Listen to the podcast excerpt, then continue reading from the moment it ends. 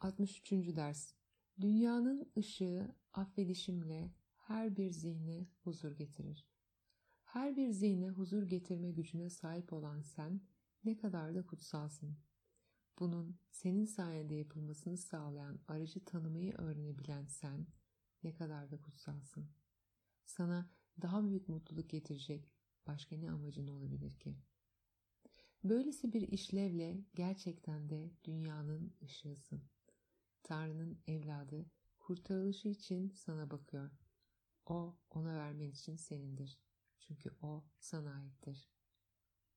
Bunun yerine saçma bir amaç veya anlamsız bir arzuyu kabul etme.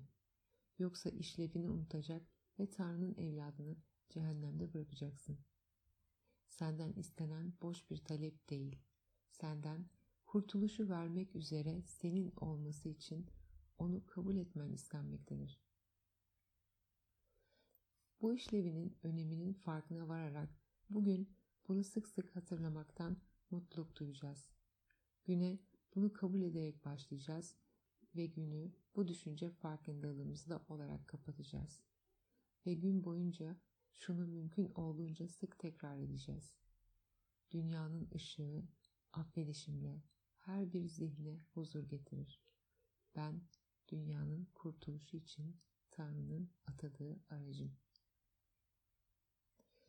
Bunu düşünmeye adayacağın bir veya iki dakika boyunca gözlerini kapatırsan bununla ilgili düşüncelerin gelmesine daha kolay izin verebilirsin.